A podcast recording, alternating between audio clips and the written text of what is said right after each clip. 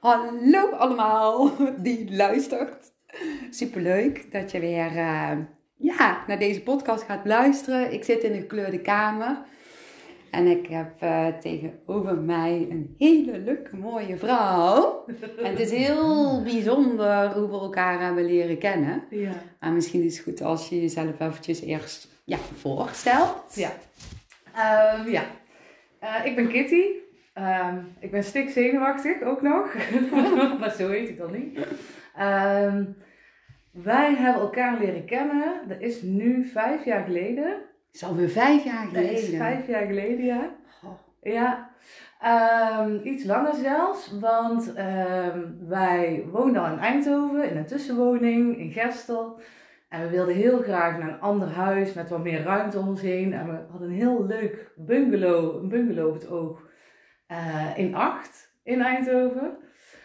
Um, op Voenda gezien en we dachten, nou weet je, we gaan daar gewoon een keer uh, langs rijden en een keer wandelen door de straat.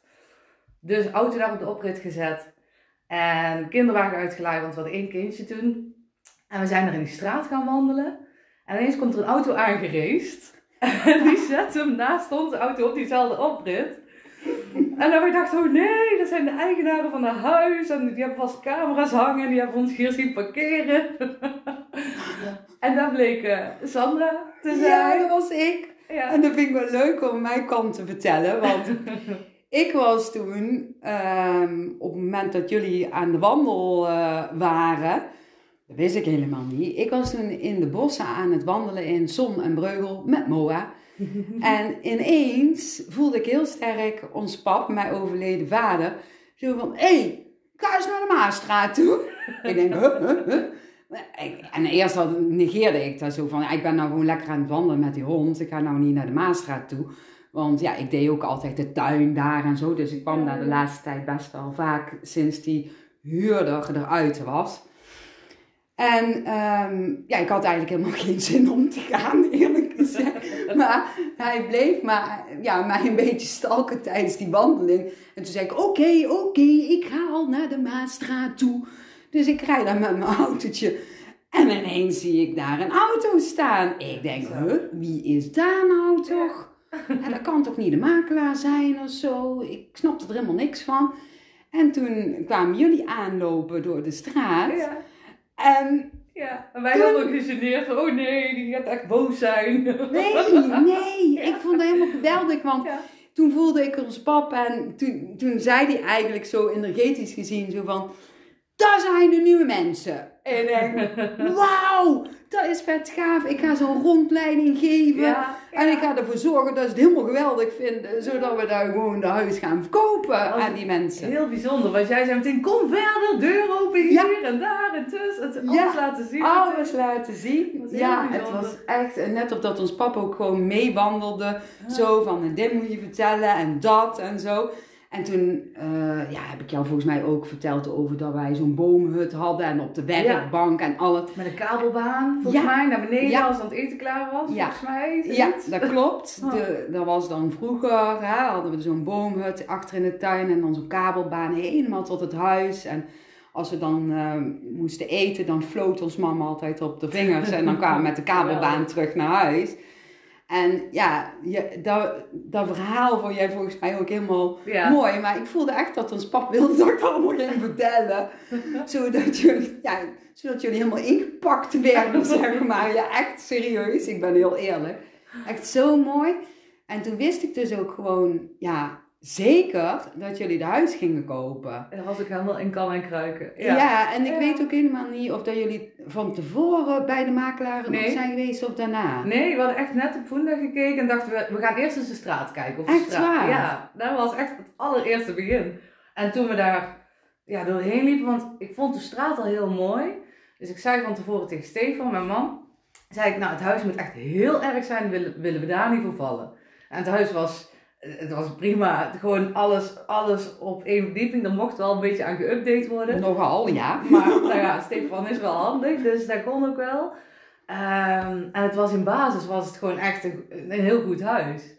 Dus eh, ja, wij zijn er heel erg voor gevallen toen. En zeker die tuin. Ja, Die tuin was echt... eh, Ik geloof ook heel sterk dat ons pap, jullie, ja, ehm, hoe moet ik dat nou zeggen? Ja, ik weet niet, hoe- nee, ja, ik kom even niet uit mijn woorden, maar het lijkt er gewoon op alsof dat er gewoon zo gestuurd is, weet je wel. Alsof dat ons pap dan weet dat jullie ja, heel erg bij dat huis passen. En vooral ons pap was natuurlijk dol op zijn tuintje en alles. En Mm. toen de huurder erin kwam voor jullie, eh, die had meteen de hele mooie grote druivenstruik eh, doorgeknipt en af, helemaal eraf gezaagd of zo. Ja, nou, dat was Oh. echt gewoon, Zonde. echt, als ons pap dat had gezien, Mm. weet ik niet wat er was gebeurd. Dus die huurders, daar, daar voelde ook niet, niet fijn eigenlijk. Hij was fijn voor hè, de rest van de familie dat ze erin zaten en dat dat ook weer geld opleverde. Maar ik had het gevoel dat ons papa het helemaal niet zo fijn vond dat die daar zaten. En dat hij het heel fijn vond, zeg maar, dat jullie in dat huisje zouden komen. Want hij, dat was gewoon, ja, zijn kind, dat huis eigenlijk. Hij heeft het helemaal zelf gebouwd. En heel die tuin had hij toen zo mooi gemaakt. En ja, eigenlijk in die, die tijd dat de huurders erin hebben gezeten, is heel die tuin verwaarloosd. En die heb ik Mm. geprobeerd om die weer een beetje goed te krijgen met bloed, zweet en tranen. Want niemand wilde ja, aan die tuin eh, werken. Mm. Ja, dat was trouwens ook wel heel intens toen ik dat weer op orde ging brengen. Alsof ons pap ook gewoon samen met mij dat deed, weet je wel. Heb ik ook, ja, dat is ook wel een manier van verwerken en afscheid nemen geweest van, ehm, van het huis.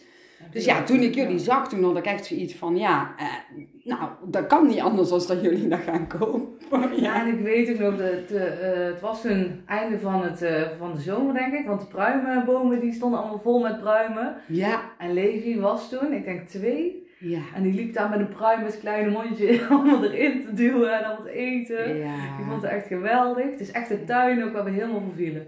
En het is toen we daar, eh, nou dat is dan allemaal doorgegaan en gelukt en financiering rond heel verhaal. Maar ehm, toen dacht ik ook echt, hier, hier worden we oud. Hier blijven we voor altijd wonen. Dat was echt de insteek hoe we daar toen zijn aangekomen.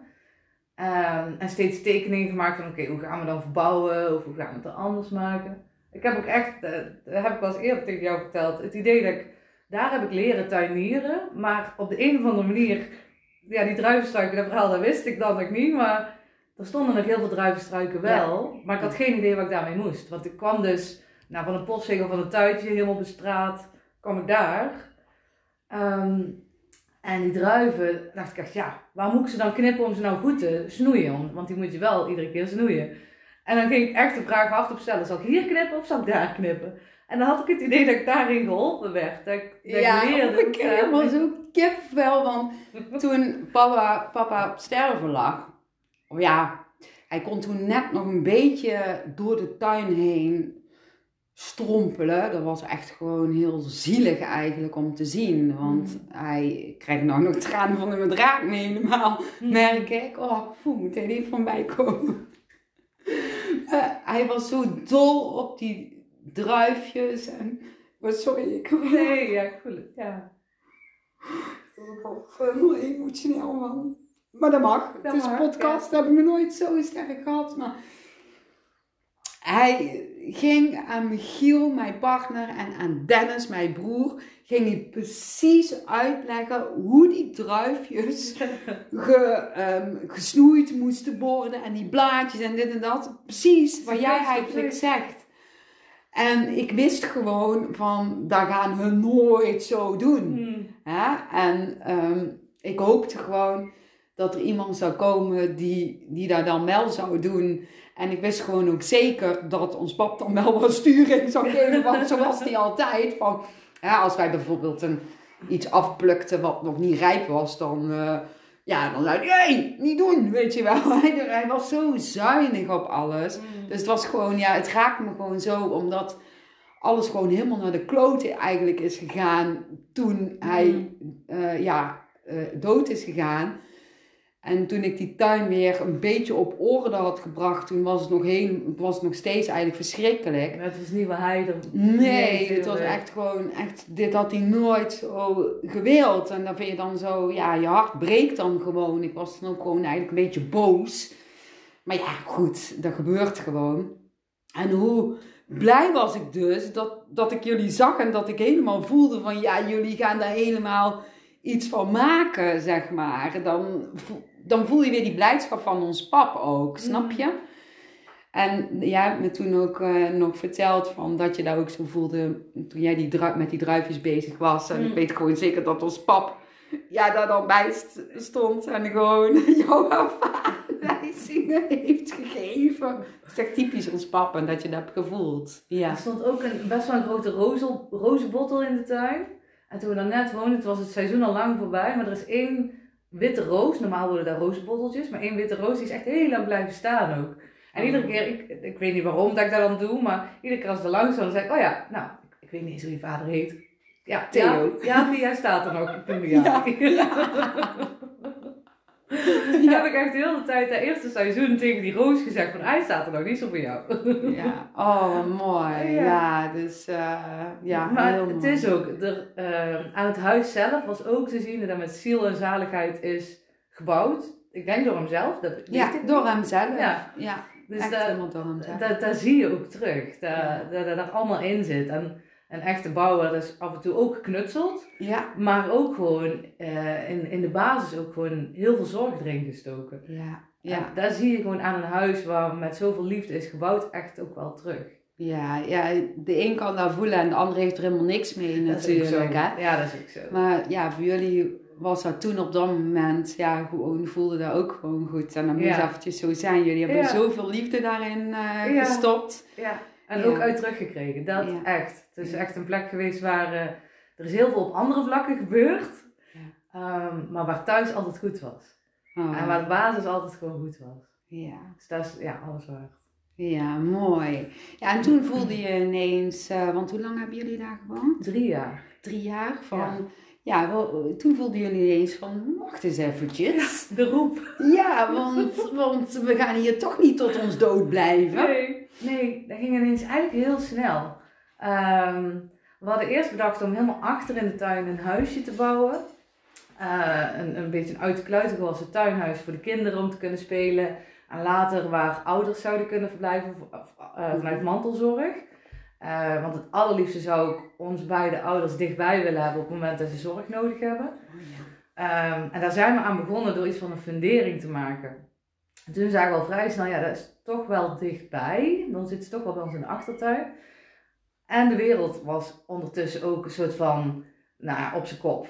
Eh, ja. Corona kwam, eh, de lockdown was er. Eh, en ehm, ik vond dat zo'n indrukwekkende fase met alles wat er in de wereld gebeurde.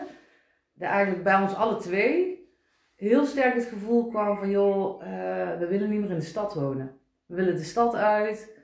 Ehm, het eh, bezig zijn in de tuin eh, hadden we heel erg ontdekt en, en ook echt heel fijn ervaren.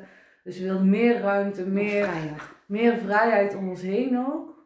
Ehm, ik weet niet, dat is ook zo'n hele stroming. eh, of echt helemaal zelfvoorzienend willen gaan worden. Ehm, want ja, dat, dat is ook best wel kostbaar en ook best wel zwaar. Daar moet je hard voor werken om dat helemaal voor elkaar te krijgen. Ehm, maar we wilden wel meer op onszelf kunnen, eh, ja, voor onszelf kunnen zorgen. Ja. Met kipjes, meer kipjes, eh, of met meer, eh, meer hout, ovens of kachels. Ehm, ja, meer ruimte om ons heen. Dus vandaar dat we zijn gaan rondkijken rondom Eindhoven. Want daar hadden we inmiddels al 25 jaar gewoond. Ja, waar dan? Waar vinden we zo'n Ja. plekje en waar kunnen we het ook betalen? Want het is echt ongekend.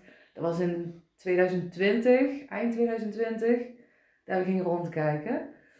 Ehm, ja, waar, waar zijn de huizenprijzen van, van zo'n aard dat je er ook naartoe kan trekken? En dat je het een beetje leuk kan houden voor jezelf. Ehm, en we hadden toen nog een eigen zaak. We hadden eh, een rondje van een half uur rondom Eindhoven getrokken en we konden daar steeds niet vinden wat we zochten. Eh, of het was onbetaalbaar. Ja.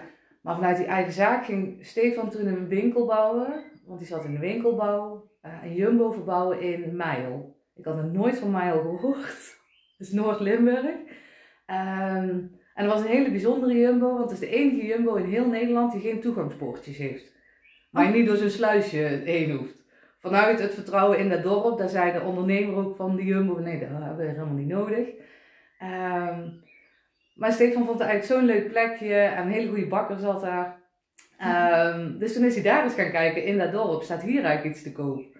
En daar lag het huis, eh, daar stond al drie jaar te koop. Ehm, maar daar lag het huis waar we nou wonen. Uh, Wauw. Stefan is daar langs gereden toen, die is er helemaal voor gevallen. Er ligt wel eh, een, een sluis voor de deur met, met water erin. En daar was, had hij dus, ja, is dat wel verstandig met toen inmiddels twee kleine kindjes. Eh, maar we zijn er samen gaan kijken en echt nou, compleet gevallen voor eh, vooral de plek. Terwijl er ook nog eens een bizar mooi huis op staat. Maar het huis kon ik in het begin alleen maar denken, ja, ik vind dit wel, dit is een, het is best wel een ruim huis. Ik vond het heel indrukwekkend. En ik kon alleen maar denken, oh, zo'n groot huis hoeft niet. Dat is Oh, ja. wel ruim eh, en ik vond het een heel indrukwekkend huis. Want het is ook een huis met historie. Het is een sluiswachterswoning van die sluis. Ja. Ehm, maar het is een heel ja, bijzondere plek om te wonen. Met alle ruimte om ons heen voor alles te doen wat we wilden gaan Ja. doen. Ja. Dus daar twee jaar geleden naartoe verhuisd. Op het moment, eh, ik heb het zelfs nog teruggekeken, want ik begon aan mezelf te twijfelen: van, eh, zit ik daar nou naast? Maar op het moment, eh, jij bent begonnen met podcast opnemen. Dat is de dag geweest dat wij de sleutel van de Maasstraat inleverden. en ik ineens, want daarvoor zat ik bijna, ja, eigenlijk helemaal niet zoveel in de auto, want ik had alles in de buurt in Eindhoven. Maar ineens had ik een half uur enkele ruis vertaan in de auto. Met heel veel tijd. En ja, zoveel muziek op een dag kan ik maar luisteren. Dat ik op zoek ging naar podcast. En dat ik die van jou tegenkwam. Dus ik ben bijna letterlijk de Maasstraat uitgereden met jouw podcast aan. Oh my god, dit is dat, ook heel typisch. dat wist ik niet. Ja. Maar ik ben ook, of ja, wij zijn, ons mama en ik, zijn ook nog een keertje eh, in Maasstraat geweest toen jullie eh er woonden. Want ja, ons mama heeft daar natuurlijk ook heel veel herinneringen. En toen zei ze tegen mij van, eh, ja, zou ik daar niet eens een keertje gewoon naartoe kunnen? En volgens mij heb ik toen contact met jou gezocht, want ik had jou op WhatsApp, omdat we toen bij onze eerste ontmoeting volgens mij, ja, ik weet niet, misschien Ik heb ik denk het. toen de telefoonnummer uh, Ja. gegeven of weet ik veel wat. Als je nog Ja, vragen hebt of zo, zo'n praatje zal ik wel gemaakt hebben. Je mag altijd nog een keer komen, ja. Ja, kom Ja, want we zijn ook nog een keer terug in het bezichtigingproces en alle stekens, we zijn nog een keer geweest. Dat jij in de tuin stond te werken, dat ik jou heb te mogen we nog eens komen kijken. Oh Dus we ja. hadden nummers uitgewisseld toen, dat moet bijna wel. Ja, Ja, ja. En toen zijn we nog een keer met mama geweest en die vond het helemaal geweldig. En toen liet jullie alles zien wat jullie hadden gedaan en zo. Ja. En zo zijn we een beetje in contact gebleven. En toen kwam je, of ja, toen gingen jullie verhuizen en toen kwam je op mijn podcast uit. Ja. Ja. Oh, grappig hè, dat Ja. we dan zo toch elkaar tegen, ja, steeds eh, tegenkomen Ja. Ja. Ja, heel bijzonder. ja, en het, alles, of alles, veel van wat je in je podcast vertelt, nou, het spreekt zo aan. Er is zoveel dat ik denk, ja joh, je verwoordt het dan en je vat het samen. En eh, een van je eerste podcasts ging over het punthoofd. Ja. Ik dacht, ja, nou snap ik het. Nou snap ik het, waar ik heel de dag zo, eh, er zit een bestje in mijn hoofd en nou kan ik het splitsen van elkaar. Dat ik mijn vinger erop kan leggen van, oh ja, nou ben ik mezelf aan het bekritiseren of ben ik een situatie aan het overdenken of wat dan ook. Maar dat is mijn punthoofd. Dat, toen klikte het pas. Dus dat heeft me echt dat vind ik heel mooi om te horen. Ja, dat heeft me echt Ja. heel veel gedaan. En Stefan, die, die luistert zo ook. En eh, nou ja, we hebben het thuis regelmatig over, eh, nou, kun je even met je punthoofd aan de kant te gaan? Mooi is Ik heb hier een goed plan, dus ga maar aan de kant.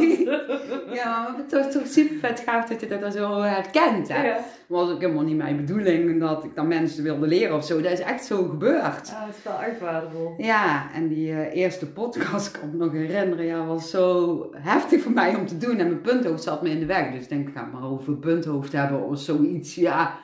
En zo is dat allemaal ontstaan, ja.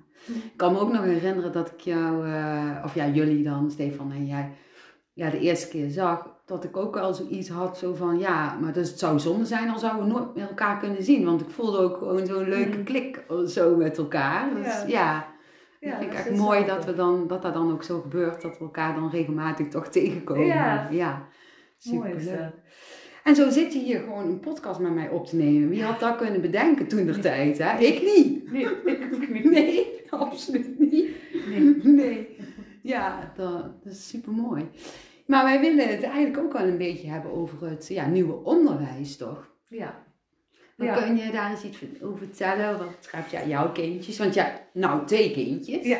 Twee stuks, twee jongens. Ja, boys. Levi van zes en Jonah van drie. Eh, dus Jonah die gaat nog naar een kinderdagverblijf. Oh ja.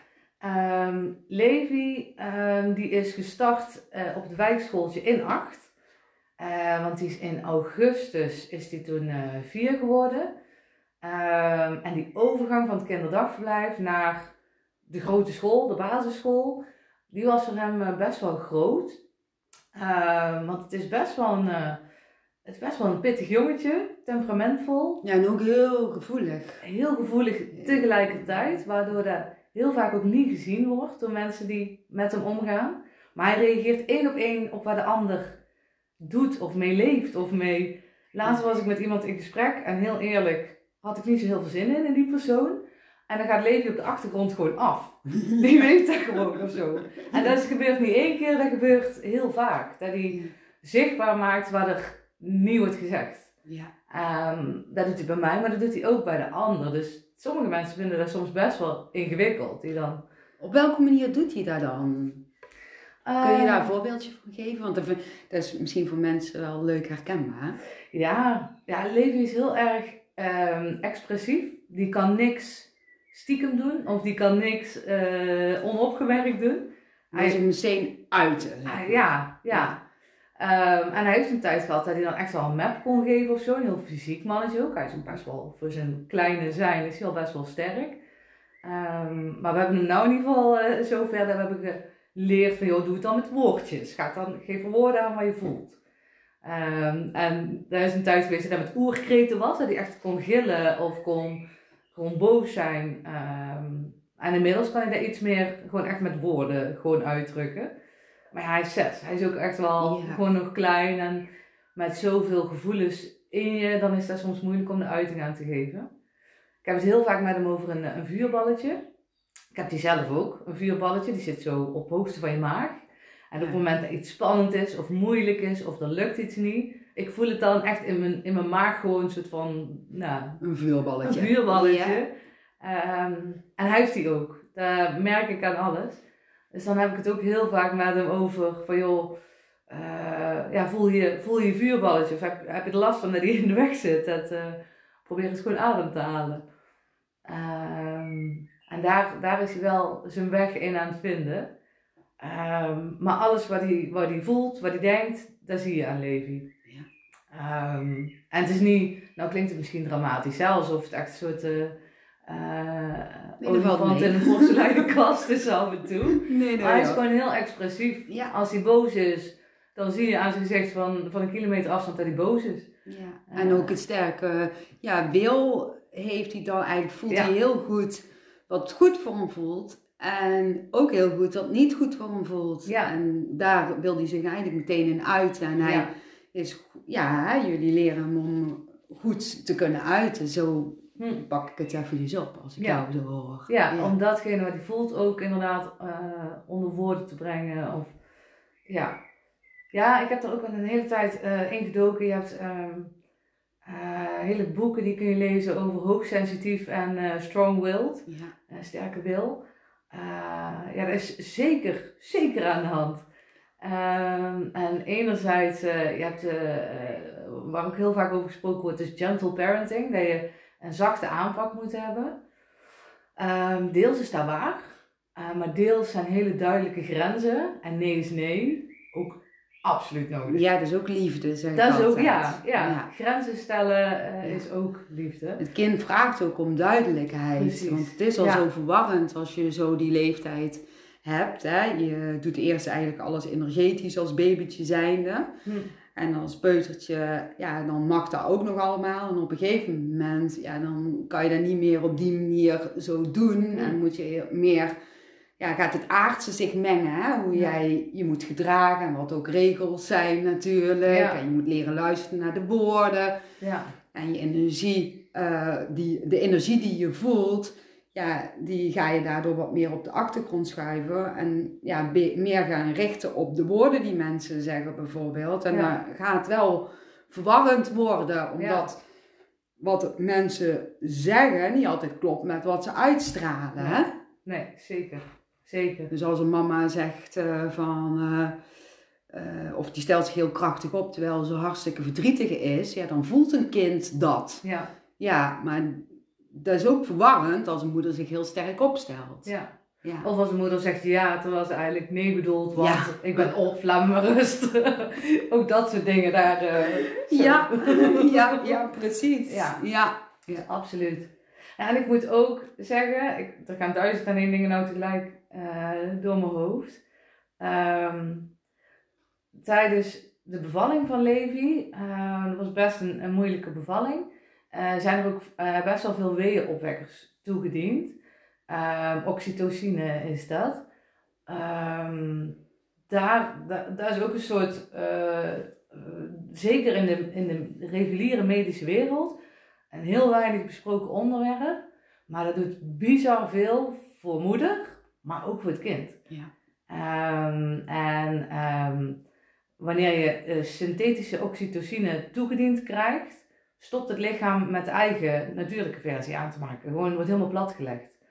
Terwijl uh, het wordt ook het knuffelhormoon genoemd.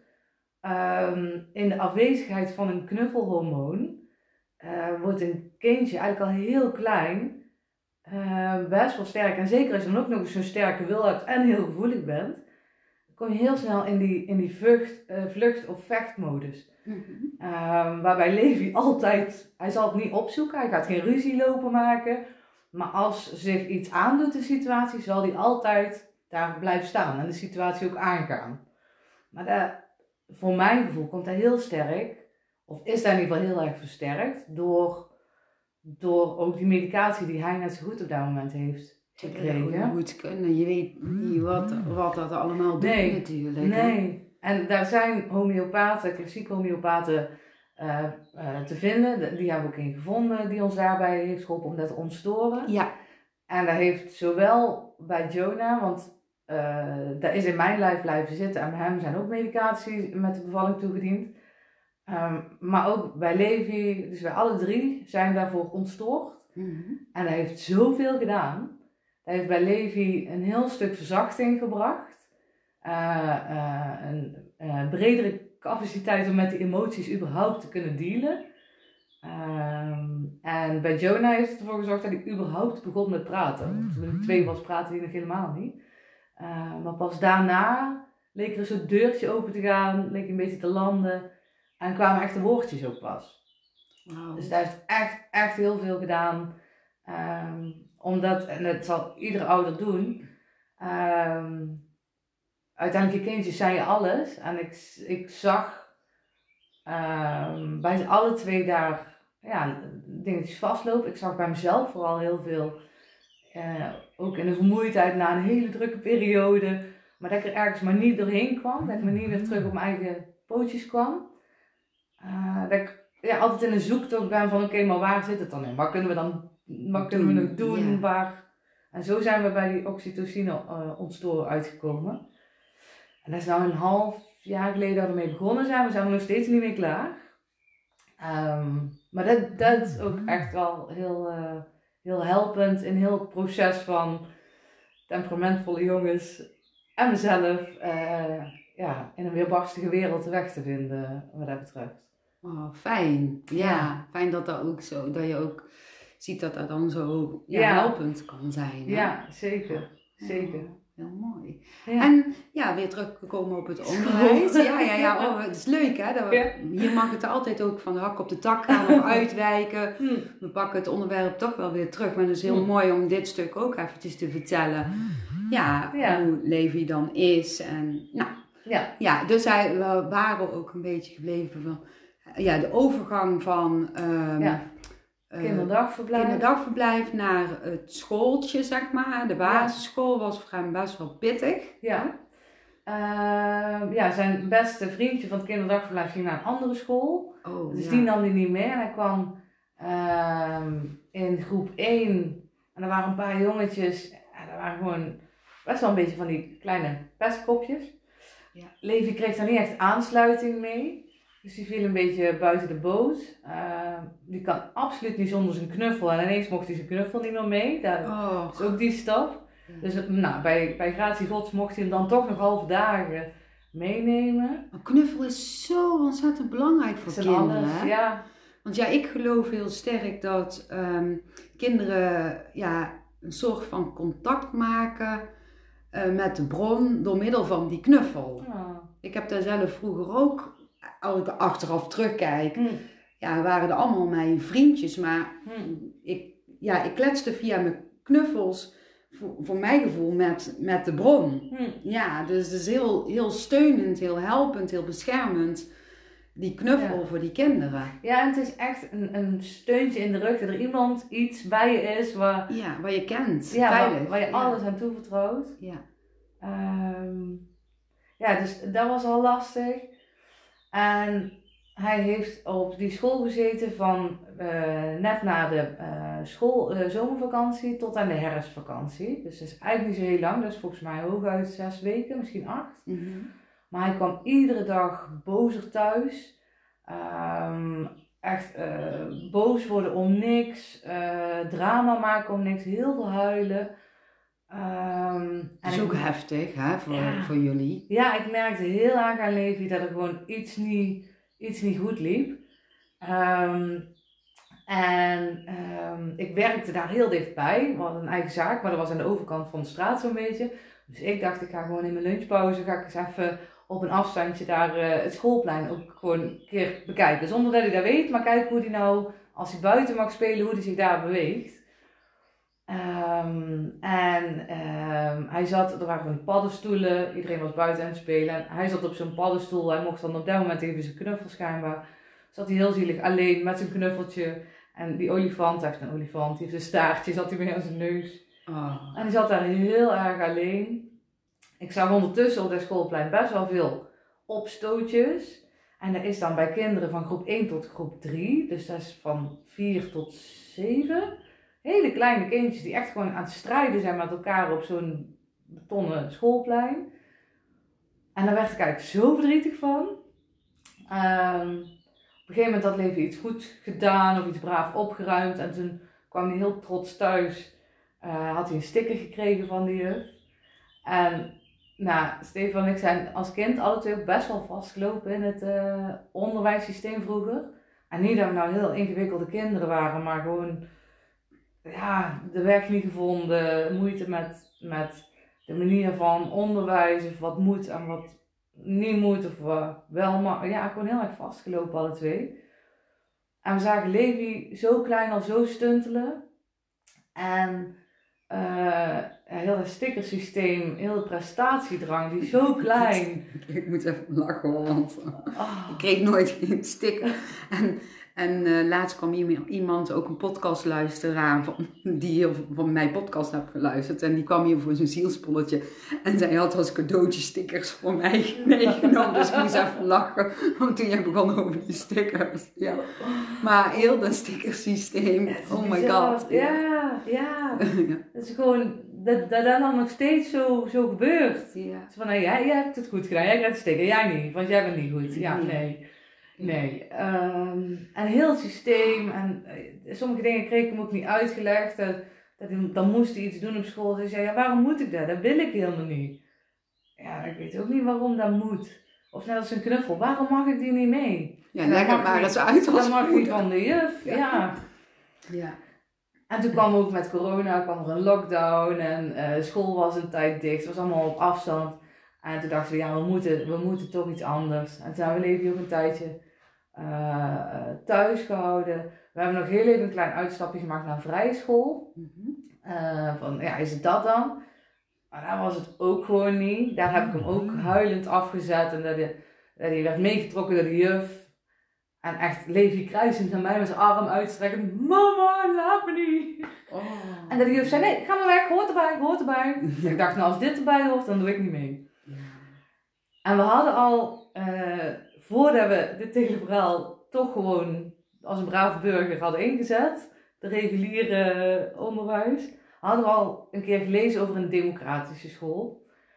En terwijl dit zo allemaal gebeurde, eh, hebben Stefan en ik het er nog een keer goed over gehad. Eh, en eh, hebben we toch de weg ingezet om naar een democratische school te gaan kijken. En eh, nou, daar meer voeling mee te krijgen om daar naartoe te gaan. Eh, maar dat vond ik loei spannend. Want het, het democratische school is wel gewoon regulier onderwijs. Het is geen bijzonder onderwijs. Gewoon regulier. Ehm, maar ehm, het wordt niet bekostigd door de staat. Voldoet wel aan de leerplicht. Maar eh, eh, op minder punten eh, als regulier eh, wijkschooltje. Eh, waardoor het Rijk het niet bekostigt. Eh, dus wel de leerplicht, maar niet bekostigd. Ehm, en eh, er wordt daar bijvoorbeeld niet getoetst. Eh, er zijn daar geen groepen. Er is geen groep 1 tot en met zoveel. Ehm, er is veel meer ruimte voor een individuele leerlijn. Ieder kind leert daar op zijn eigen tempo. Ehm, maar dat zorgt er ook voor dat dus de vaste leerlijn, eh, misschien ook wel een beetje de eenheidsworst, wordt helemaal losgelaten. Ehm, ja, en dat vond ik toch ook wel heel erg spannend. Ja. Vond ik heel erg spannend om mijn, mijn kindje, mijn ziel en zaligheid eh, daar naartoe te brengen. Ehm, en ik heb toen zelfs even gedacht, weet je, anders dan ga ik zelf wel een school beginnen. Dan kan ik het ook helemaal naar mijn eigen hand. Ja, eh, ja, ja. dus ben ik daar een keer naar zo'n bijeenkomst geweest waar ze daar uitleggen hoe, dan, hoe je een school begint. En dat is, dat is nou, intens veel werk met twee kleine kinderen en toen nog eh, een eigen zaak was daar gewoon geen optie. Maar zo ben ik ook in die school gaan rondlopen en eh, ja, van de hoed tot de rand gehoord, hoe werken ze nou? En ik ben daar zoveel gevallen, hoe daar naar de individu wordt gekeken en op, op het tempo waarop hij of zij mee kan eh, ja, het onderwijs aan te bieden. Dat we toen ook meteen hebben besloten om Levi eh, daarin te schrijven. Er was toen nog plaats, inmiddels zit de school vol. Ehm, Zijn, hoeveel kinderen zitten er ongeveer op die school? Weet je eh, dat? max 150, Ja. zodat ze ook allemaal elkaar kunnen kennen, dat het een mini-samenleving is. En het is voor de leeftijden van 4 tot 21. Dus oh, wauw. Heel die, eh, alle leeftijden komen daar voor. Maar van Levi's eigen leeftijd zijn er denk ik een stuk of 10, misschien 15 kindjes eh, die daar rondhuppelen over die school. En het is bewust tot 21, zodat je tot die leeftijd kan blijven. eh, waarop je, mocht je het willen, zo'n toelatingstest kan doen om naar het HBO te gaan. Dat je geen HAVO-diploma nodig hebt, bij wijze van. Maar gewoon rechtstreeks vanuit die school naar een HBO-opleiding zou kunnen doorstromen. Oh. Dus die ruimte is er ook. Ehm, En hoe gaat dat dan, zeg maar zo? Ehm, ja, want je zegt van, er zijn geen klasjes, hè? nee. Dus ja, hoe moet ik, ik moet eventjes een voorstelling, eh, ik ben heel visueel. Ja. Eh, kan je daar eens vertellen hoe gaat Ja? Ehm, ze hebben het het eh, pand waarin ze zitten is een oud schoolgebouw. Eh, en dat is wel heel erg helpend, want daardoor zijn er wel gewoon vaste ruimtes. Ja. En er is het onderscheid, er is een speellokaal. Daar zitten de kindjes van 4 tot en met 6. Hm.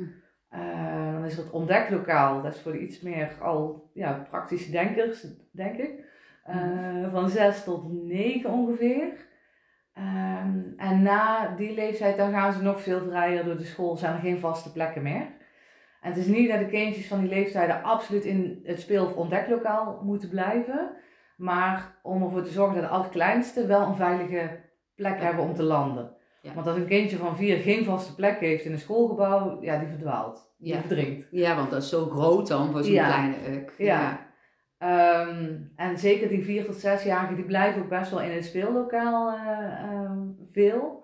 Eh Levi zit inmiddels in het ontdeklokaal, of zit, ja, dat is dan een beetje het labeltje wat eraan zit.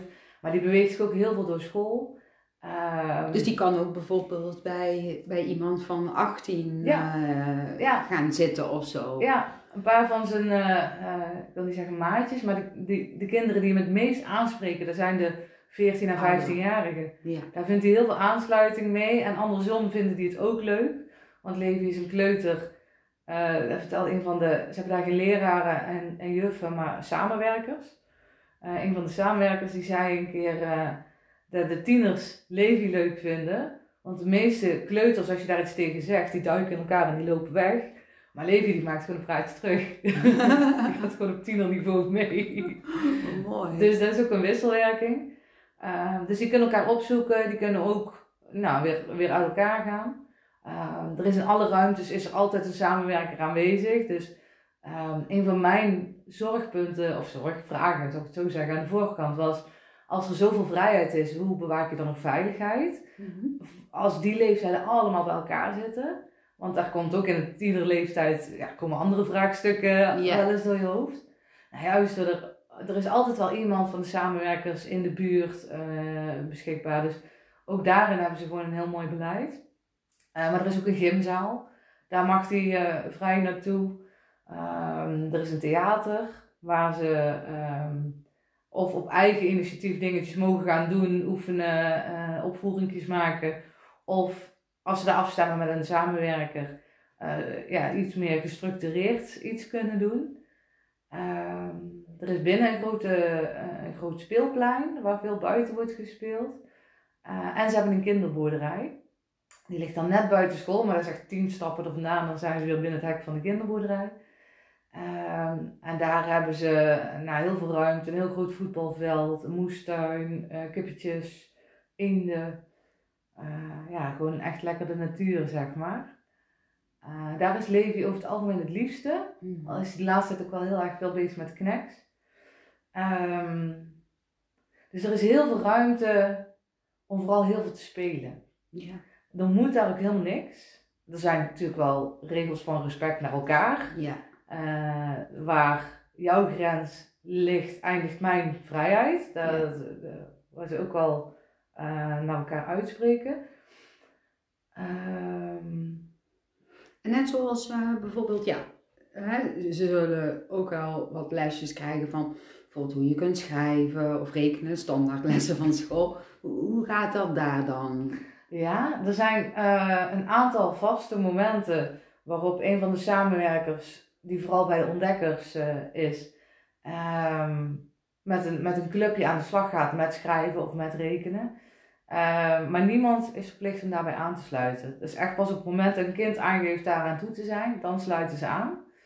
Ehm, er is ehm, eh, eh, vanuit de, de eh, toch wel wetenschap, want democratische scholen bestaan al sinds de jaren 60. Het is niet een heel nieuw. Oh, dat Principe. nog niet eens. Ja, en volgens mij is in Engeland een van de eerste, een van de oudste ook, want die is er nog steeds.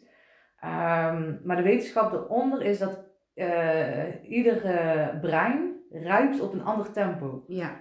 Ehm, en pas als een brein voldoende rijp is om te leren, pas dan lukt het om die stof. Tot je te nemen. Ja, en eigenlijk heel snel ook op zo'n moment. Mhm. Maar wat er nu wordt gedaan, is gewoon vanaf vierjarige leeftijd de alfabet Ja. erin rammen op herhaling. Ja. En als je maar vaak genoeg herhaalt, dan blijft het vanzelf een keer hangen. Het risico is als je te jong begint met dat erin te hameren. Het klinkt heel onaardig hameren. Maar, Nee, maar het, ja.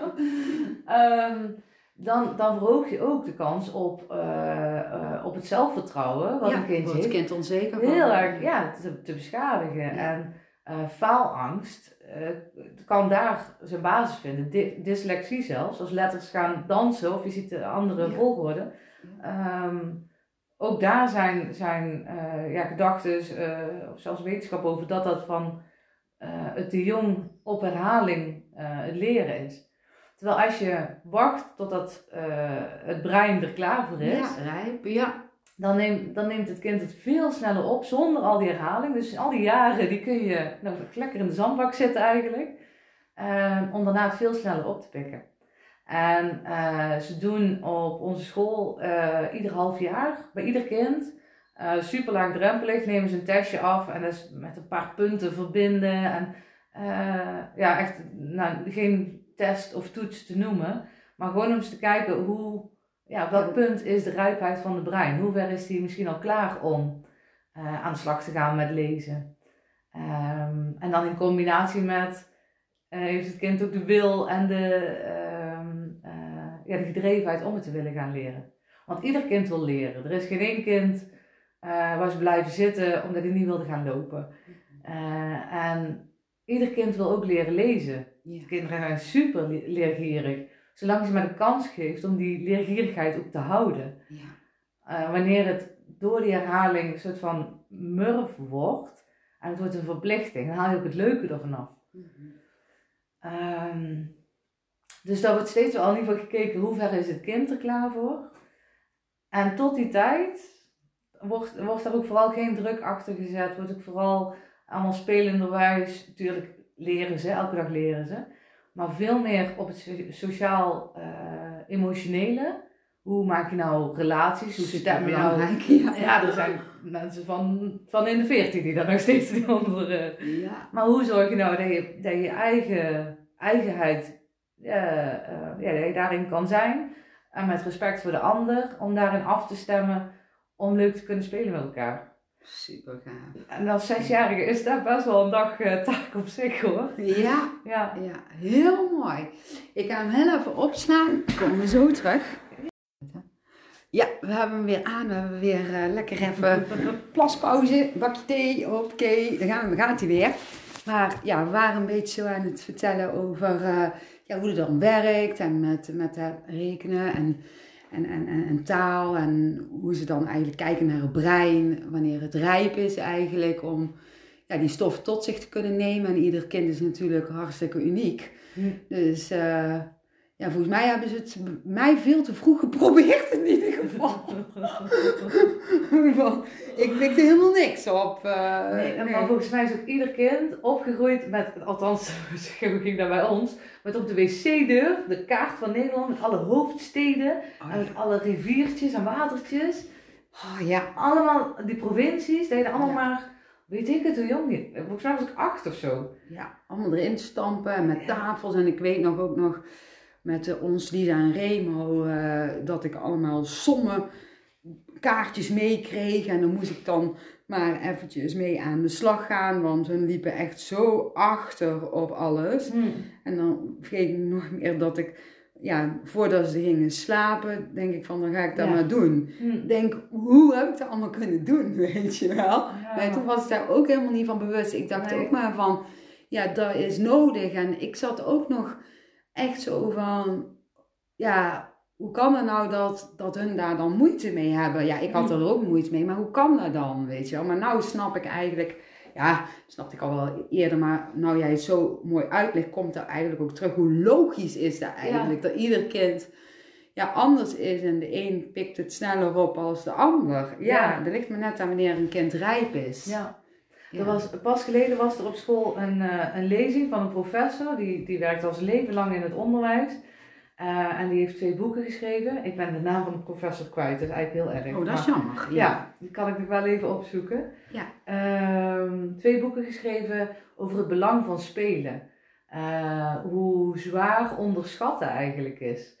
Ehm, en hoe blijven spelen ook op een langere, latere leeftijd, hoeveel waarde dat toevoegt. Omdat je spelenderwijs ehm, veel meer in die eigen ruimte kan blijven. In je eigen authenticiteit Ja. van waar je kan leren. Ja, dat En geloof ik ook. Dan ja. hoef je niet allemaal in die eenheidsworst precies hetzelfde te kunnen, want de ene is hier beter in en de ander daar. Ja.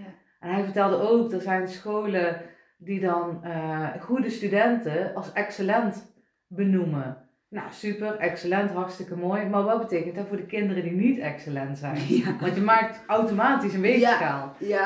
En hij zei, ik heb het opgezocht in het woordenboek, maar het tegenovergestelde van excellent, dat is waardeloos. Oh my god. Dat kun je je kind gewoon niet aandoen. Het is Nee. gewoon niet oké. Dus hij had wel een hele mooie, eh, ja, sterke overtuigingen en hij ging ook daar best wel voor staan. Ehm, ja, En die gaf een lezing op, op die school? bij Ja, bij ons op school. Dat vind ik dan ook weer super vet gaaf. Ja. Hè? Dat dan Ja, dat organiseren om daar dan aan de ouders en iedereen die we horen uit te leggen. ja, en ik moet wel zeggen, er waren een aantal ouders die werken dan weer op eh, traditionele scholen, maar dan een mbo en een hbo. En die vertelden dat op, de, op die scholen, op dat niveau, zie je wel een toename van eh, ja, ruimte voor de individu, voor de individuele student om zelf, maar ook in die samenwerking met elkaar, tot iets te komen. Mhm. Uh, dus er is wel een soort van kanteling gaande, maar op dat, nou dan ben je al zoveel jaren in het, in het stramien van het schoolse systeem. En dan ben je volgens mij ook wel heel veel kwijtgeraakt in, ehm, ja, in het systeem. Om maar mee te draaien, om maar te zorgen dat je netjes voldoet en die sticker misschien wel een keer haalt. Ja. ja. ja. ja. En het, het, is ook nog wel een hele mooie. De school is, uh, begint op zich om 8 uur s ochtends. Maar een kind mag starten tussen 8 en 10. Um, dat schijnt ook, heb ik laatst heb ik daar een podcast over geluisterd en ik weet even niet hoe zij heet. Volgens mij, ja nee, dat durf ik niet met zekerheid te zeggen, maar is het niet Charlotte Hupplepup die ook over brein heel veel weet, maar die um, iets aan het uitleggen was dat het brein ja, nog helemaal niet zo vroeg, ja. Nee, precies, ja. Ja, hoe noem je dat? Wakker is of, ja, ja ik weet niet hoe ik het moet noemen, maar dat op kan nemen, zeg ja. maar, die stof. Dat ja. dat helemaal niet gezond is of zoiets dergelijks. En toen dacht ik, wow. Ja. Als dat toch allemaal wetenschappelijk bewezen is, van waarom doet niemand daar iets mee? Of zo weinig nog, bedoel ik eigenlijk zeker. Zeggen. Maar jij zegt dus um, tussen de 8 en 10 uh, kunnen ze dan een schooltje komen en dan? dan is de, is de binnen, binnenkomst. En uh, iedereen begint ook gewoon vrij aan zijn eigen dag. Gaat gewoon ook in alle vrijheid de dag door. Ja. En er zijn dan wel vaste momenten uh, waarop iets wordt aangeboden. Maar doe je niet mee, prima. Wil je de zandbak spelen, prima. Ik haal Levi structureel uh, zonder schoenen op. Die is hij ergens door de dag heen verloren. Vaak pikzwart om in de zand te spelen of onder de modder. Um, en altijd met de, de, de, wildste plannen of creaties die die... Ze hebben ook nog een werkplaats, daar maken ze dan weer van alles. Dan heeft weer iets in elkaar geschroefd of aan elkaar gelijmd of... Uh... Had ik graag op die school gezeten, zeg. Ja, ik ook. Ik oh. ook. Ze hebben daar een trampoline en vaak, of vaak, hij houdt echt heel erg van op de trampoline te springen. Ja. Hij komt regelmatig thuis en zegt hij, mam, kom eens kijken wat ik heb geleerd vandaag. Moet ik mee naar de trampoline, dan heeft hij een nieuw kunstje. Oh. In plaats van een bepaalde letter schrijven, heeft hij een nieuw kunstje geleerd. Oh, wow. Dus vooral om de kleintjes nog echt in die ruimte te laten om te spelen, om, uh, om die eigenheid daarin helemaal uh, te vinden. Um, en gaandeweg, um, uh, het, dat is misschien wel de uitdaging van dit soort onderwijs, of deze kijk op onderwijs. maar gaandeweg is het aan het kind zelf om te kijken wat heb jij nodig zodra ze wat ouder worden, uh, er is ook nog wel een stukje leeftijd waarbij ze misschien uh, ja, hele dagen op zijn telefoon zitten. Ja. Hoor ik ook van sommige ouders veel, dat vind ik dan wel spannend, want waar leert hij dan nou nog? Mm -hmm. um, er wordt vanuit school ook wel heel actief meegekeken van oké, okay, wanneer is het nog uh, gezond, wanneer moeten we het ook gaan begrenzen? Uh, Nova de Kentron is een keer langs geweest op school om tieners uit te leggen van, nou hoe werkt er nou verslaving? Mm -hmm. uh, je kan veel beter op jonge leeftijd uh, al met een excessen, bijvoorbeeld in telefoongebruik, te maken hebben, zodat je op latere leeftijd ook kan herkennen. Heb ik ook bij mij, bij, bij onze kinderen gedaan. Ja? Ja. Huh. Die kregen toen ze zeven waren. Ja, en toen was het allemaal net dat dat begon met die telefoon. Maar kregen ze meteen gewoon van Michiel de alle oude telefoons, weet je wel. Want die was er allemaal heel vroeg bij, Michiel, met die telefoons. En nou, dan kregen die kinderen die telefoon. En heel veel mensen zeiden ook van, ja, waarom doe je dat nou? Dat is niet goed. Maar ik had zoiets van, jawel, laat ze maar gewoon doen. En dan komen ze wel met, als ze met dingen zitten. Of dan Ja. houden we het gewoon wel zo even in de gaten. Mm. Maar ja, die kunnen nou eigenlijk daar heel goed mee omgaan. Die zijn, hebben ook nooit echt ja, in een hele dik vette verslaving of zo eh, Ja. gezeten. Nee, het is denk ik juist als je in een veilige omgeving leert omgaan met Ja, eh, ja, excessen of Ja. dat, dat dan eh, een jongere daar veel beter tegen gewapend is Ja. wanneer er een, een risico in zit. Ja. Want als je met eh, excessen of verslaving om kan gaan eh, met dit soort, met, met de technologische middelen, dan, dan denk ik dat je een stuk beter bewapend bent voor de toekomst, ook wanneer er minder goede vrienden op je pad komen. ja, Dat je voor jezelf daar weet, dat je daar keuzes in kan maken. Ja. Ehm, dus er is ook wel een tijd dat de tieners daar vooral tieners zijn. Mhm. Ehm, maar er zijn eh, ook eh, jongeren die al bezig zijn met: oké, wat, wil ik, wat wil ik gaan doen? Wat wil ik hierna gaan doen? Eh, wil ik ondernemer worden en hoe werk ik daar naartoe? Hoe ga ik een bedrijfsplan maken? Ehm, of wil ik eh, een bepaalde studie gaan volgen? Ehm, er is één jongen die is vorig jaar van school gegaan. Ik ken alle tieners niet allemaal natuurlijk, maar deze weet ik toevallig. Eh, die wil heel graag uh, de geneeskunde, uh, die wil arts worden. Dus die wil de geneeskunde gaan studeren. Dus die heeft met zijn samenwerker heeft die gekeken van oké, wat moet ik daarvoor doen? Ik ben nou hier om daar te komen.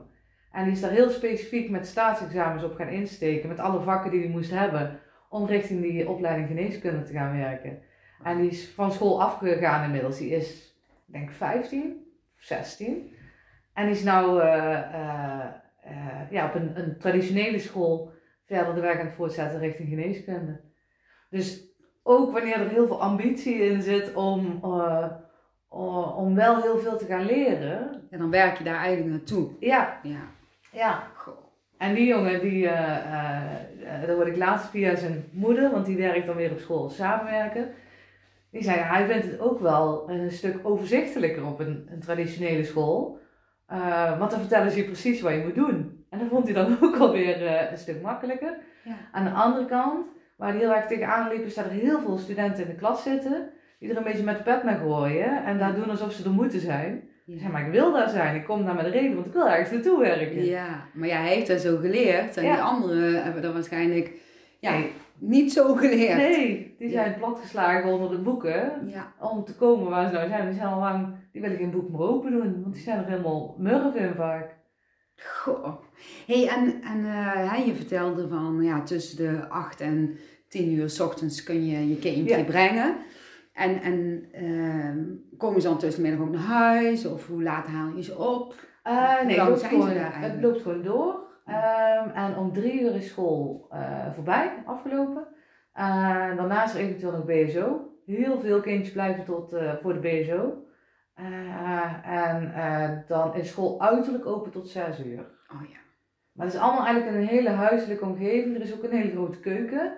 Daar wordt vaak voor de lunch ook iets gemaakt. Kinderen hebben dan een lunchkaart, kunnen ze als ze willen ook iets halen. Maar er zijn met studenten samen wordt daar uh, iets gemaakt voor de lunch. Maar dan maken ze ook vaak een hapje voor bij de BSO aan het einde van de dag. Een, een cakeje of een soep of uh, van alles.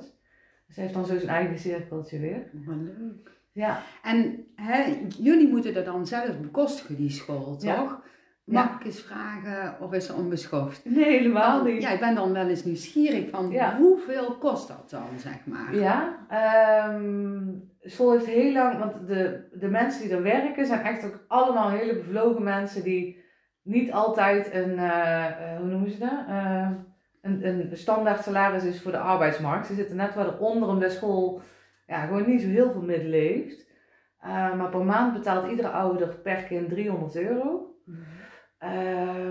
Maar onze school heeft BSO toegevoegd. BSO is dan wel weer helemaal volgens de vinkjes van, uh, uh, van de overheid, waardoor er kinderopvangtoeslag voor opgevraagd kan worden. En daar compenseert dan ook weer heel veel van het totale bedrag. Waardoor school, voor ons kost het nou 100 euro per maand. Dus dat is echt heel erg te doen. Dat is heel erg goed te doen. Ja. ja. Nou, en het is, um, als je ziet uh, wat het doet voor een kindje, wat het met leven heeft gedaan aan, ja, de rust en ontspanning. Ja, dat wou ik ook vragen. Van, want oké, okay, Leven ging daar natuurlijk voor de eerste keer naar school. Of ja, jij hebt daar voor rond gekeken, denk ik. Ja. ja en, en, en samen misschien ook met hem, of hoe heb je dat gedaan? Want... Ik ben daar eerst uh, toen zelf geweest. Um, en vervolgens uh, hadden ze eigenlijk toen ook geen plek, want toen toen zaten ze een beetje in de knel omdat er vooral heel veel kleuterjongetjes waren en niet zoveel kleutermeisjes op de een of andere manier. Jongetjes lopen ook, wat zij vertellen, eerder vast in het traditionele onderwijs. Omdat die uh, meisjes zijn veel meer genegen om zich aan te passen. Om te zeggen, nou, dat wil ik niet, oké, ja, maar jij wil dat ik het doe, oké, dan doe ik het wel. En jongetjes hebben er veel minder, die gaan veel sneller uh, in de weerstand. Ja. En um, dus hadden daar een overflow aan, aan tiener, of tiener, uh, kleuterjongetjes. Ja. Uh, maar gelukkig kwamen er net weer allemaal meisjes bij, dus toen mocht Levi wel starten. En toen heeft ze eerst een proefweek gehad.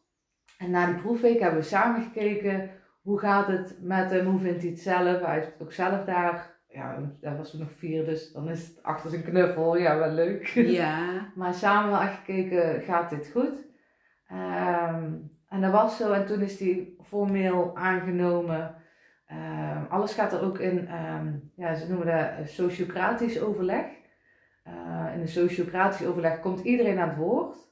En er wordt pas ingestemd met iets als iedereen het om eens is. Niet eh, de meeste stemmen gelden. Nee, iedereen moet het ermee eens zijn, anders gaat het besluit niet door. En zo is er ook een aannamekring. Dus ieder nieuw kind wordt aangenomen, wordt besproken in die aannamekring. Uh, en, en wordt zo toegelaten tot, tot de opleiding, of tot de, tot de school. Uh, dus toen was hij officieel aangenomen. En dat was 1 april 2021, de dag dat wij de sleutel kregen in Meijel. Oh, is en... in Veldhoven gestart. Want die school die is in, in Veldhoven? Veldhoven, ja. Ja, want dan moet jij elke keer van ja. naar Veldhoven. Dat is toch wel een eindje ja, rijden. Daar is maar ja, het daar heb je er wel voor over. Als het, het zo leuk is natuurlijk voor hem. Ja, en dat is het ook met, net over de kosten van school. Um, er zijn ouders die verhuizen naar een kleiner huis of dichter bij school om maar naar die school te kunnen gaan. Uh, er zijn, uh, dit zijn verhalen die ik dan via de directeur heb gehoord uh, wel eens. Het is zo belangrijk dat een kind gewoon goed gaat op school. Ja. Dat heeft zoveel ja. invloed ja. op het verdere leven. Alles, ja. Zij vertelde ook, er is een, een moeder die zat in een bijstandsuitkering. Die zei, ik kan dit nooit betalen om, om hier naar school te doen. Maar door daar toch te starten, uh, heeft zij weer de rust in haar huishouden gekregen. Door je kindje stabiliteit. Ze, Waardoor zij gewoon weer aan het werk kon. Waar zij weer ruimte om handen kreeg omdat de basis thuis weer rustig was. Ja. Uh, dus er zijn, uh, ja, ouders hebben er best veel voor over. Of om later er iets voor. Ja. Uh, als het nodig is om te zorgen dat, ja, dat die kosten gewoon gedragen kunnen worden. En het is te overzien. Het is niet Net als een privéschool dat die 3000 euro per maand is. Nee. Die zijn er ook. Ja, ja, ja, ja. ja. Familie in Australië, die betalen ook echt zoveel voor die school. Dat is ook zo'n privéschool waar ja. uh, ons nichtje op zit. Dat is oh. echt gewoon niet te betalen. Maar daar is alles sowieso duur. Oh. Maar goh, ja, heel uh, mooi. Ja. ja. En nou zit hij daar, hoe lang zit hij daar nou op? Twee jaar. Twee jaar. Ja. Ja. En je merkt gewoon dat hij het gewoon fijn vindt en gewoon veel relaxter is. Ja, uh, ja. ja die tijd dat hij uh, naar het wijkschooltje ging, is het echt, in de ochtend was het echt een drama om zijn schoenen aan te krijgen, om hem aangekleed te krijgen, om hem op tijd, als hij bel gaat, ja. op dat schoolplein te krijgen. Ja, ook die druk voelen ze natuurlijk ook. Ja, en dat was ook de tijd dat hij niet meer naar binnen mocht. Dus moest ik hem op het schoolplein afgeven en dan... Uh, ja, ik ben nooit uh, het kleuterklasje mee in geweest uh, op die school. Um, dus dat was een, een, een compleet drama. En nou, weet je, heb je nog geen zin om je schoenen aan te doen? Nou, wacht ik nog even. Of dan doen we nog eerst even dit. Er zit geen druk op dat we precies op die minuut op dat schoolplein hoeven te zijn. En daardoor zit er zo'n ontspanning alleen al in de ochtend. Dat de dag zoveel anders begint als toen. Ja. Uh, ja, dat is gewoon wel heel veel waard. Ja. Nou, kan ik me eigenlijk wel voorstellen. Heb je dan niet, ja, daar zou mijn punthoofd dan zeggen, en ik denk andere mensen hun punthoofd ook wel van, ja, maar hè, als hij dan zo de tijd krijgt en zo, hè, als, je dan, als je dan een keertje haast hebt, dan, ja, dan heeft hij wel extra druk dan of zo. Ja, ja. Snap je wat mijn punthoofd bedoelt? Ja, ja. Ik, ik snap hem. Maar juist andersom, als ik het er nou uitleg, vandaag moeten we echt een keer opschieten, want uh, mama heeft daar een afspraak. Dan gebeurt dat. Ja. Omdat dat niet de standaard is. Ah ja. Omdat het niet een dagelijkse druk is waarin je leeft, maar wat, daardoor begrijpt hij het. Ja. ja. dus daardoor is hij eigenlijk al andersom geworden. natuurlijk blijft het ook gewoon af en toe een dwarse kleuter, maar ja, algemeen helpt hoort er ook natuurlijk bij. ja. Ja. Ja. ja. ja. super gaaf. Ja, en um, nog steeds heeft hij daar, want volgens mij zou het allerliefste gewoon altijd thuis zijn. Misschien veel kinderen ook wel, denk ik zo stiekem. Uh, nog steeds heeft hij dagen dat hij geen zin heeft. Maar als we dan bij school aankomen, dan huppelt hij uit de auto en dan is het eigenlijk ook alweer voorbij. Ja. En jullie hebben het nou thuis ook zo, die vrijheid en ruimte en alles. Ja. Ja, want jullie zijn ook met mooie dingen bezig. Ja. Wil je daar ook iets over vertellen? Want dat vind ik dan ook wel leuk om te horen. Ja, ja. Ja, dus dan moet ik even mijn hoofd weer daarop... Uh, kan je omswitchen? ja, want dat is zoveel. Ja. Nee, daar valt echt wel mee ook. Ehm, eh, onze eerste gedachte toen we daar naartoe trokken was... ehm, ja, het is, het is zo'n fijne plek. Het, ehm, het allerliefste zouden we eigenlijk altijd daar willen kunnen zijn. We willen niet meer naar, erop uit hoeven om eh, eh, buiten geld te verdienen en dan alleen het einde van de dag thuis te zijn. Ehm, en we hebben zeven jaar lang hebben we een eigen zaak gehad hiervoor. Eh, dat was een bouwbedrijf. Daar was een hele bewuste keuze om daarmee te stoppen. Nou, einde is een beetje moeizaam gegaan. Ehm, maar die zeven jaar heeft ons echt zoveel gekost. Eh, in energie, in, eh, het was gewoon een hele heftige tijd. Ehm, dat we het echt anders wilden gaan doen. Ehm, en dat we de rust en de ruimte wilden opzoeken. Maar ook die rust en die ruimte voor andere mensen beschikbaar wilden stellen. Eh, dat, dat stelt ons in de gelegenheid om meer thuis te kunnen zijn en anderen er mee van te kunnen laten genieten. En het eerste idee was ook echt om een, een aantal huisjes neer te zetten voor mensen om daar ook te komen wonen. Mag dat daar? Nee. dat is irritant. Ja, ja, daar waren we heel snel mee klaar met de gemeente. Daar, we Nee. gewoon niet mee in. Ehm, eh, maar waar we eh, ook in dat plan hadden zitten, waren een aantal recreatieverblijven. Ehm, en een bistro, waar we koffie en thee en gebakjes willen aanbieden. Ehm, en we willen een grote, beetje multifunctionele schuur, wel een mooie schuur, eh, gaan plaatsen. Ehm, ook voor, voor, ja, voor groepsbijeenkomsten, voor... ehm, Stefan en ik hebben beide ooit bij een organisatie een, eh, een inspiratieweek gedaan, zo heette dat. Ja. Dan ga je een week ergens, eh, verblijf je dan met een groepje. En in die week heb je zo min mogelijk je telefoon op zak.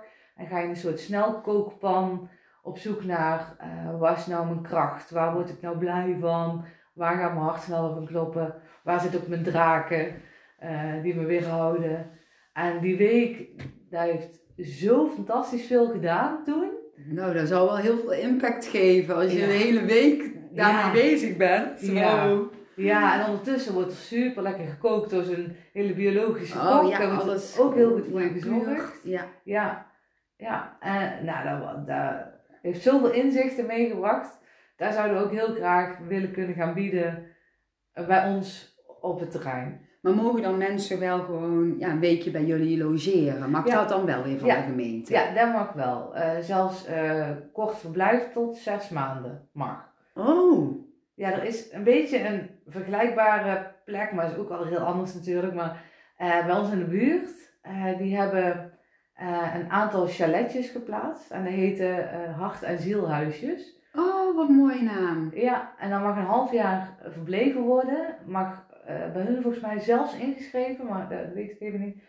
Ehm, voor mensen die door een moeilijke tijd gaan. En gewoon even een plek nodig hebben om te landen. Om uit met een scheiding bijvoorbeeld. Ja, dat is even in geval van een tussenfase Ja. eigenlijk. Ja. Wat gaaf. Echt heel gaaf is dat, ja. ja dus dat doen jullie buurtjes, zeg maar. eh, Zo'n beetje. Ja. Ja, zo'n beetje de buurtjes. Iets, ja, het is een dorp verder, maar... ja, nou ja, dat is de buren. Ja, de burendorp. Ja. ja, en die hebben het echt heel mooi groots aangepakt. Ehm dus wij zijn ook aan het denken, nou ja, als we daar recreatieverblijf staan, dan kunnen we een week verhuren. Maar dat kan ook voor een langere tijd. Dat is net, denk ik, in de fase waarin we zelf zitten. eh, welke ruimte dat we ook kunnen bieden. eh hoe ver is eventueel ook al eh, het stukje ja, persoonlijke ontwikkeling waar we daar naast willen bieden.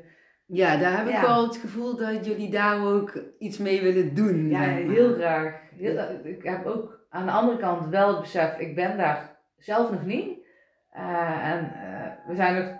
Dat is de hond die je Oh. op de achtergrond eigenlijk Wie hoort. Ja, zijn vriendinnetje loopt weer voorbij. Oh. Horen jullie het ook?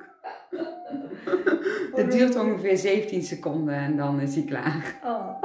Zo van, joe, ik wil ook mee. Love me. Maar dat kan niet nu.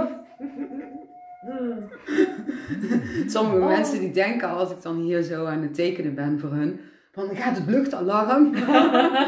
nou, nee, het is de hond. Tafel. Maar hij is klaar. Ja, dus sorry voor de onderbreking. Maar ehm, even kijken, waar waren we Oh ja, ja, ik zit ook even te denken. Ja. Ehm, nee, voorlopig gaan wij gewoon lekker bouwen. En Ja. ehm, eh, wie weet zijn er anderen die persoonlijke ontwikkeling eerst bij ons willen brengen. Ja, dat je daar dingen van meepikt en Precies, zo. En ja. in de tussentijd Ja.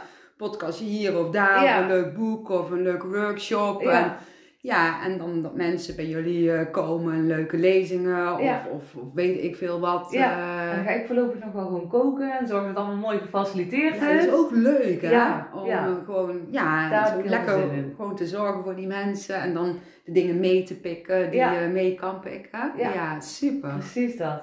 Alleen dat zijn we nog niet allemaal. Nee, nee, nee, maar dat is mooi. dat is een plan. droom. Ja, en waar zijn jullie nu? We zijn nu zover dat de bistro, die hebben we klaar. Ja, daar heb ik eh, gezien op Ja. social media. Ja, ja had ik gepost. Eh, dus die gaat volgende week donderdag open. Ja. Ja, en dat vind ik doodeng, want ik heb een leven lang achter een computer doorgebracht op kantoorbanen. Ehm, en nou ineens ga ik de horeca in. Ja, en dan, maar dan kunnen mensen gewoon bij jullie ja, komen en Ja. daar een theetje of een lekker taartje of een ditje of een datje. Ja. En doe je ook een beetje biologisch eh, Ja. aanbieden, want dat moet dan ook weer zo passen. Zeker, Ja. zeker. En we werken heel veel samen met eh, alle, alle ondernemers in de buurt. Dus de melk en de eieren en ik hoop de boter, dat weet ik vanavond. Eh, die komt van de buurman. Die heeft een biologische koeienhouderij of melkveeboerderij. Ehm, oh, sorry. Ehm, en de, eh, het brood en alle broodjes die komen van de bakker in het dorp. En die heel erg bezig met decembroden en speldbroden. En waarom de granen van nu eigenlijk bij heel veel mensen niet meer zo goed werken in zijn lijf. Omdat die zo ver zijn doorge... ehm, eh, hij vertelde het zo mooi, genetisch gemanipuleerd. Mhm. Dat al die granen eigenlijk niet meer zijn waar ze vroeger waren. Mhm. Dus hij is heel bewust op zoek naar welke broden zijn er nou voedzaam en waar kan een mensenlijf ook echt iets mee. Ja, Of waar, ja, dus ook heel, heel, hele wetenschap erachter. super. Ja, gaaf dat je dat dan ook zo ontdekt allemaal, hè? Ja, En dat je dat ook zelf proeft en dat je het gevoel hebt van... Hé, hey, mijn lichaam is hier wel veel blijer mee Ja. als eh, een ander broodje wat we kopen in de buurtsuper. precies. Ja, Ja. ja, precies. En ook de, we hebben eh, liters appelperensap van eigen Oh, ja. appelbomen die er eh, gelukkig hadden de oude eigenaren ook al best wel veel aangeplant. En er zijn best wel oude bomen op ons terrein. Dus we hebben liters appelperensap uit eigen, uit eigen tuin. Ja, zo heel veel dingen gewoon zo natuurlijk mogelijk. eh, zo, zo echt mogelijk dat je lijf er ook zoveel mogelijk echt mee kan. Ehm, want het wordt zo vaak over het hoofd gezien. Dat, ehm, ja, of je nou het biologisch eet of niet, wat maakt het uit? Je ziet het niet. Maar op lange termijn doet het zoveel met je lijf. Dat, eh, ja, dat wordt ja, over het hoofd gezien vaak, heb ik het Ja. idee. Ja, dat Nou. wel zeker, ja. Ja. Ja, ja, dus dat. En we zitten aan de fietsroute, dus er komen heel veel fietsers voorbij. Heel mooi. veel e-bikers, dus die hoeven alleen nog maar te stoppen. Ja, en die zien van, hé, hey, dat is leuk. Ja. Even gezellig eh, bij jullie aanmeren, Ja, zeg maar. precies. Ja. En we doen heel bewust niet te groot een opening of zo, omdat ik, wat ik zei, ik vind doodeng. Ik heb gisteren, is er iemand eh, langs geweest, die heeft een, een mini barista cursus gegeven. Dus ik Wat kan, is dat? Ik kan nou goede cappuccino's maken. Oh. Hoe zo'n koffieapparaat werkt, ik wist het niet. Nee, dat zou ik ook helemaal niet weten. Nee. Stefan had een hele indrukwekkende gekocht, want zo is hij dan ook. Die zoekt Doet dan, uit ja. waar is dan het beste en eh, dat moet hij dan hebben. Ja. dus vervolgens stond daar zo'n heel indrukwekkend koffieapparaat. Ik dacht, Ja, Oh my wat moet god. hiermee? Te veel knopjes. Ja. Oh, ik zou helemaal error krijgen. Ja. Ja, dat had ik dus. Een hele lieve eh, dame, die is ook weer met een vergelijkbaar iets bezig als wat wij eh, aan het doen zijn, maar dan een dorp op de andere kant op. Eh, in Nederweert Eind zit die. Ja. Ehm, dus die, die kwam uitleggen hoe zo'n koffieapparaat werkt. Die Oh. branden ook bonen zelf, koffiebonen.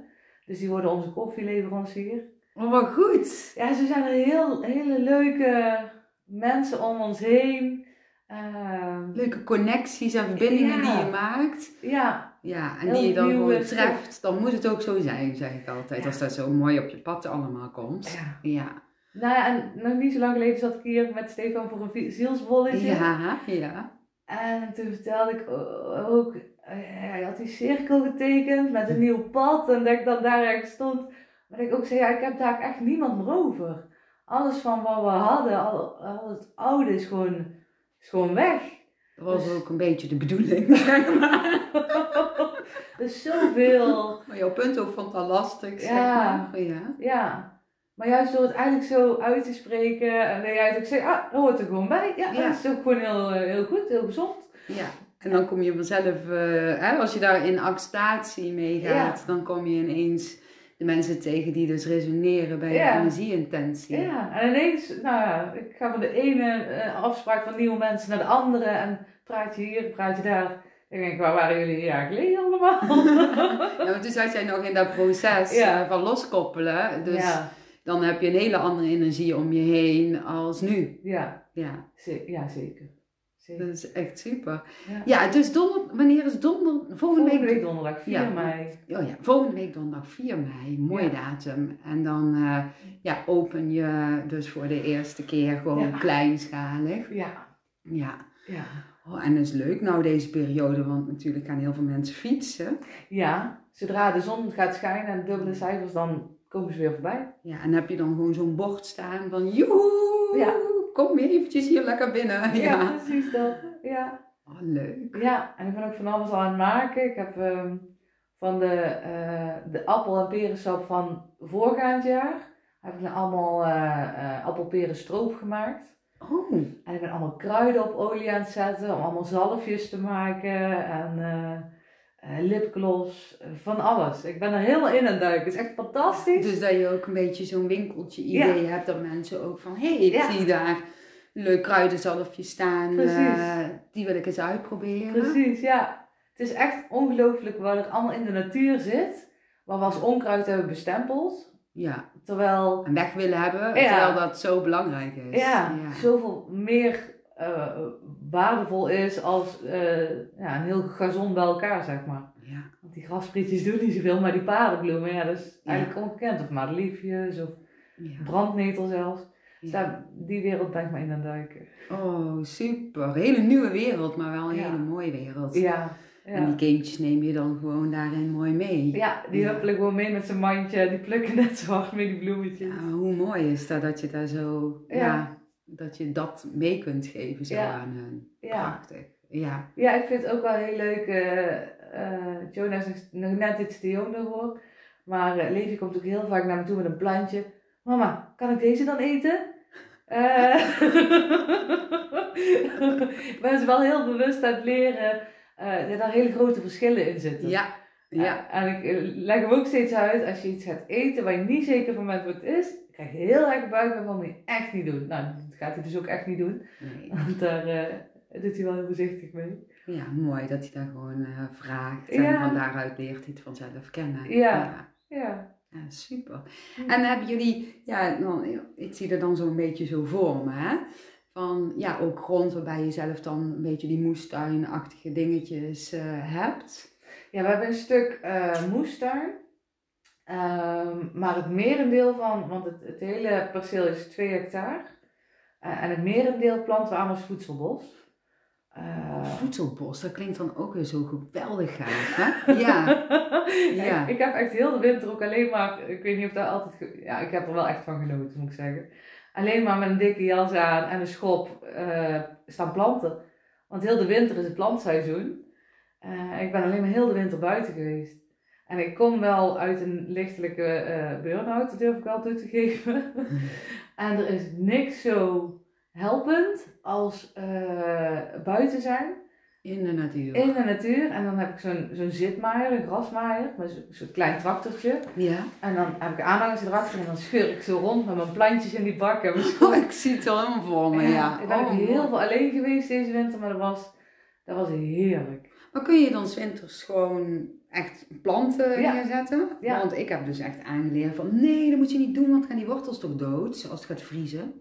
Nee, want ook al heb je hem niet vers geplant, dan zitten die wortels nog steeds op dezelfde plek.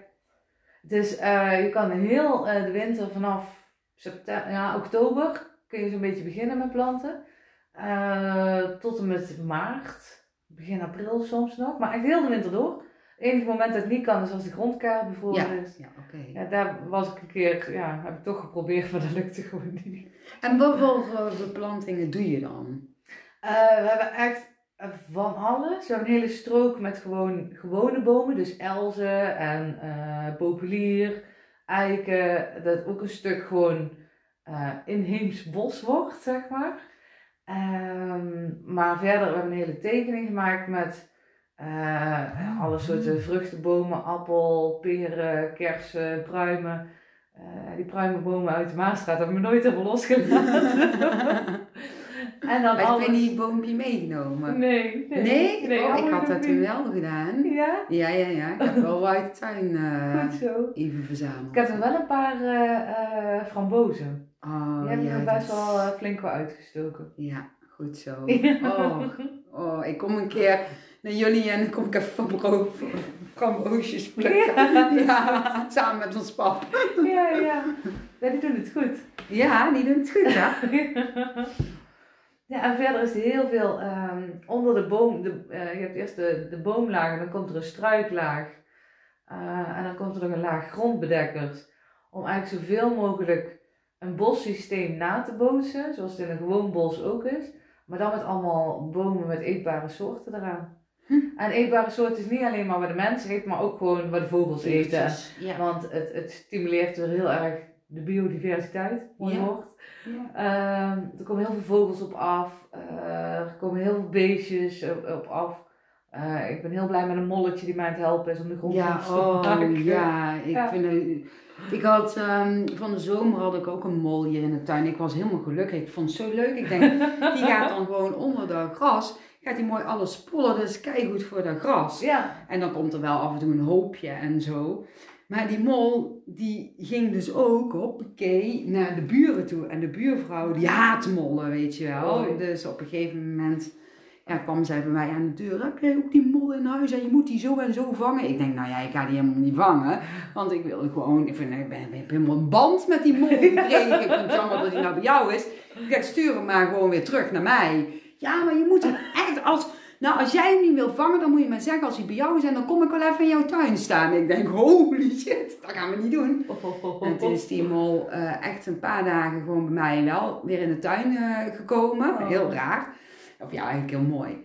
En daarna is hij teruggegaan en toen heeft ze hem te pakken gehad. En ik dacht, oh my god, wat heftig. Maar ja, ik kon daar ook niet voorkomen natuurlijk. nee, nee. Ja, maar ik vind het dan zo zonde, want ik voel Ja. gewoon net zoals jij van, ja, die mol die hoort dan gewoon even in die tuin. Ja. en maakt mij dan nou uit als ik dan molshopen heb. Hm. Maar ik snap daar wel, de buurvrouw die heeft gewoon, ja, dat gras gewoon helemaal steurig, Steurig. weet je wel. Ja, zij krijgt echt error als eh, er iets verkeerd is met haar gezonnetje, dat is haar alles. Ja, Dus ik begrijp het wel natuurlijk. Ja. Maar ja, Ja, we zijn een, een, een beetje, eh, en dat is ook gewoon hoe, hoe Nederland is ingericht, beetje doorgeslagen ook in de, eh, eh, iemand zei het een keer, de, de ziekte van keurigheid. Al die randjes moeten helemaal strak gemaaid en Ja. alles moet eh, maximaal zoveel millimeter. En, ja. maar er, ehm, eh, in stadse tuinen zie je ook echt, ja, daar mag geen onkruid meer zijn. Nee, je onkruid, ongedierte, ja. ja, terwijl het gewoon kruiden en dieren zijn eigenlijk. Ja, eigenlijk wel. Ja, we zijn, het is nog net niet. Ik, ik zei laatst tegen iemand. Wat, gaan we dat ook nog bij mensen doen? Dat er ook nog ongemensen zijn? We doen bij kruiden en bij dieren. Dat was wel bijna zo in die coronatijd. Oh my god. Ja. Ja. Ja. Laten we het daar maar niet over hebben. Nee. maar eh, ja, mooi hoe je de dingetjes zo ziet. En, eh, Ja. ja, super gaaf. En het is wel grappig, want een deel van ons perceel is een oude koeienweide. Toen we daar kwamen wonen, stonden er ook nog de, buren, de buurman zijn koeien op. Oh ja? Eh, dus daar hebben we heel goed eh, contact mee. Maar ik zeg van, joh, zou je wel je koeien weer eh, terug op je eigen weide? Nou, dat is Ja. prima. En vervolgens is eigenlijk het begin van een voedselbos aanleggen, is stoppen met je grasmaaien. Gewoon laten doorschieten en dan komt er ook, want die bodem die was net zo hard als, als gewoon de straat. Het was gewoon net beton. Ja. Daar kon niks in gaan groeien, behalve gras. Daar bleef overal water op staan. Dus dan kun je gewoon niet beginnen met bomen met kwetsbare wortels zetten. Een, appelboom hoef je daar dan niet in te zetten, want die gaat dood. Want die kan daar niet wortelen. Dus het begin is stoppen met maaien en gewoon die bodem laten herstellen. Zodat er weer wat wormpjes in komen, een molletje. Zodat die bodem weer wat luchtig wordt. Oh ja, natuurlijk. En de buurman van de andere kant, ehm, die heeft, eh, de varkensboer, die kwam echt regelmatig langs. Want die maakte zich echt druk over ons gras. Die kon dat niet zien. Nee. En die had al ideeën van, ah, anders kan een pertje er neerzetten. Of eh, die, die komt wel afrijden met zijn tractor en die neemt het dan wel mee. Ja, die kon het gewoon even niet En aanzien. die kon dat niet aanzien. Die, die kon daar niet bij met zijn verstand. Dus ja, uiteindelijk, na een paar keer uitleggen, heeft hij toch een soort van de moed opgegeven. Hebben nog steeds goed contact hoor. Ja, ja, tuurlijk. Maar ik snap dat hij het ook gewoon zo dan ziet, omdat hij daar ook gewoon ja, denkt dat dat Ja. het beste is Ja, natuurlijk. ja, en hij zei het ook echt vanuit de gedachte om ons te helpen daarmee. Ja. Misschien dacht hij, ja, die komen hier ook uit de stad en die, die snappen niet hoe dat Ja. moet. ja. Dus ik snap hem heel goed en hij had het heel goed bedoeld. Maar toen op een gegeven moment hebben jullie dus dat gras laten groeien. Ja, En toen werd dat weer een beetje luchtig eigenlijk. En daarna, toen, toen hadden jullie ook, konden jullie zien van ja, nu ja, is het eigenlijk goed. Hoefden jullie Ja. daar verder eigenlijk niks aan te doen. Gewoon de natuur dus zijn gang laten gaan. ja, hoef je niks aan te doen. En Nou, nou, aan het begin van afgelopen plantseizoen ging ik kijken van hoe is het nou met de bodem en het krioelte van de wormen. En Ja, dat alleen een al het terugkeren ja, van de wormen betekent dat er weer iets kan leven. En dan kun je nog steeds niet de appelboompjes planten, maar wel eh, je hebt pioniersoorten, de soorten die als eerste komen in de successie van de bomen, van de, eh, van de bossen.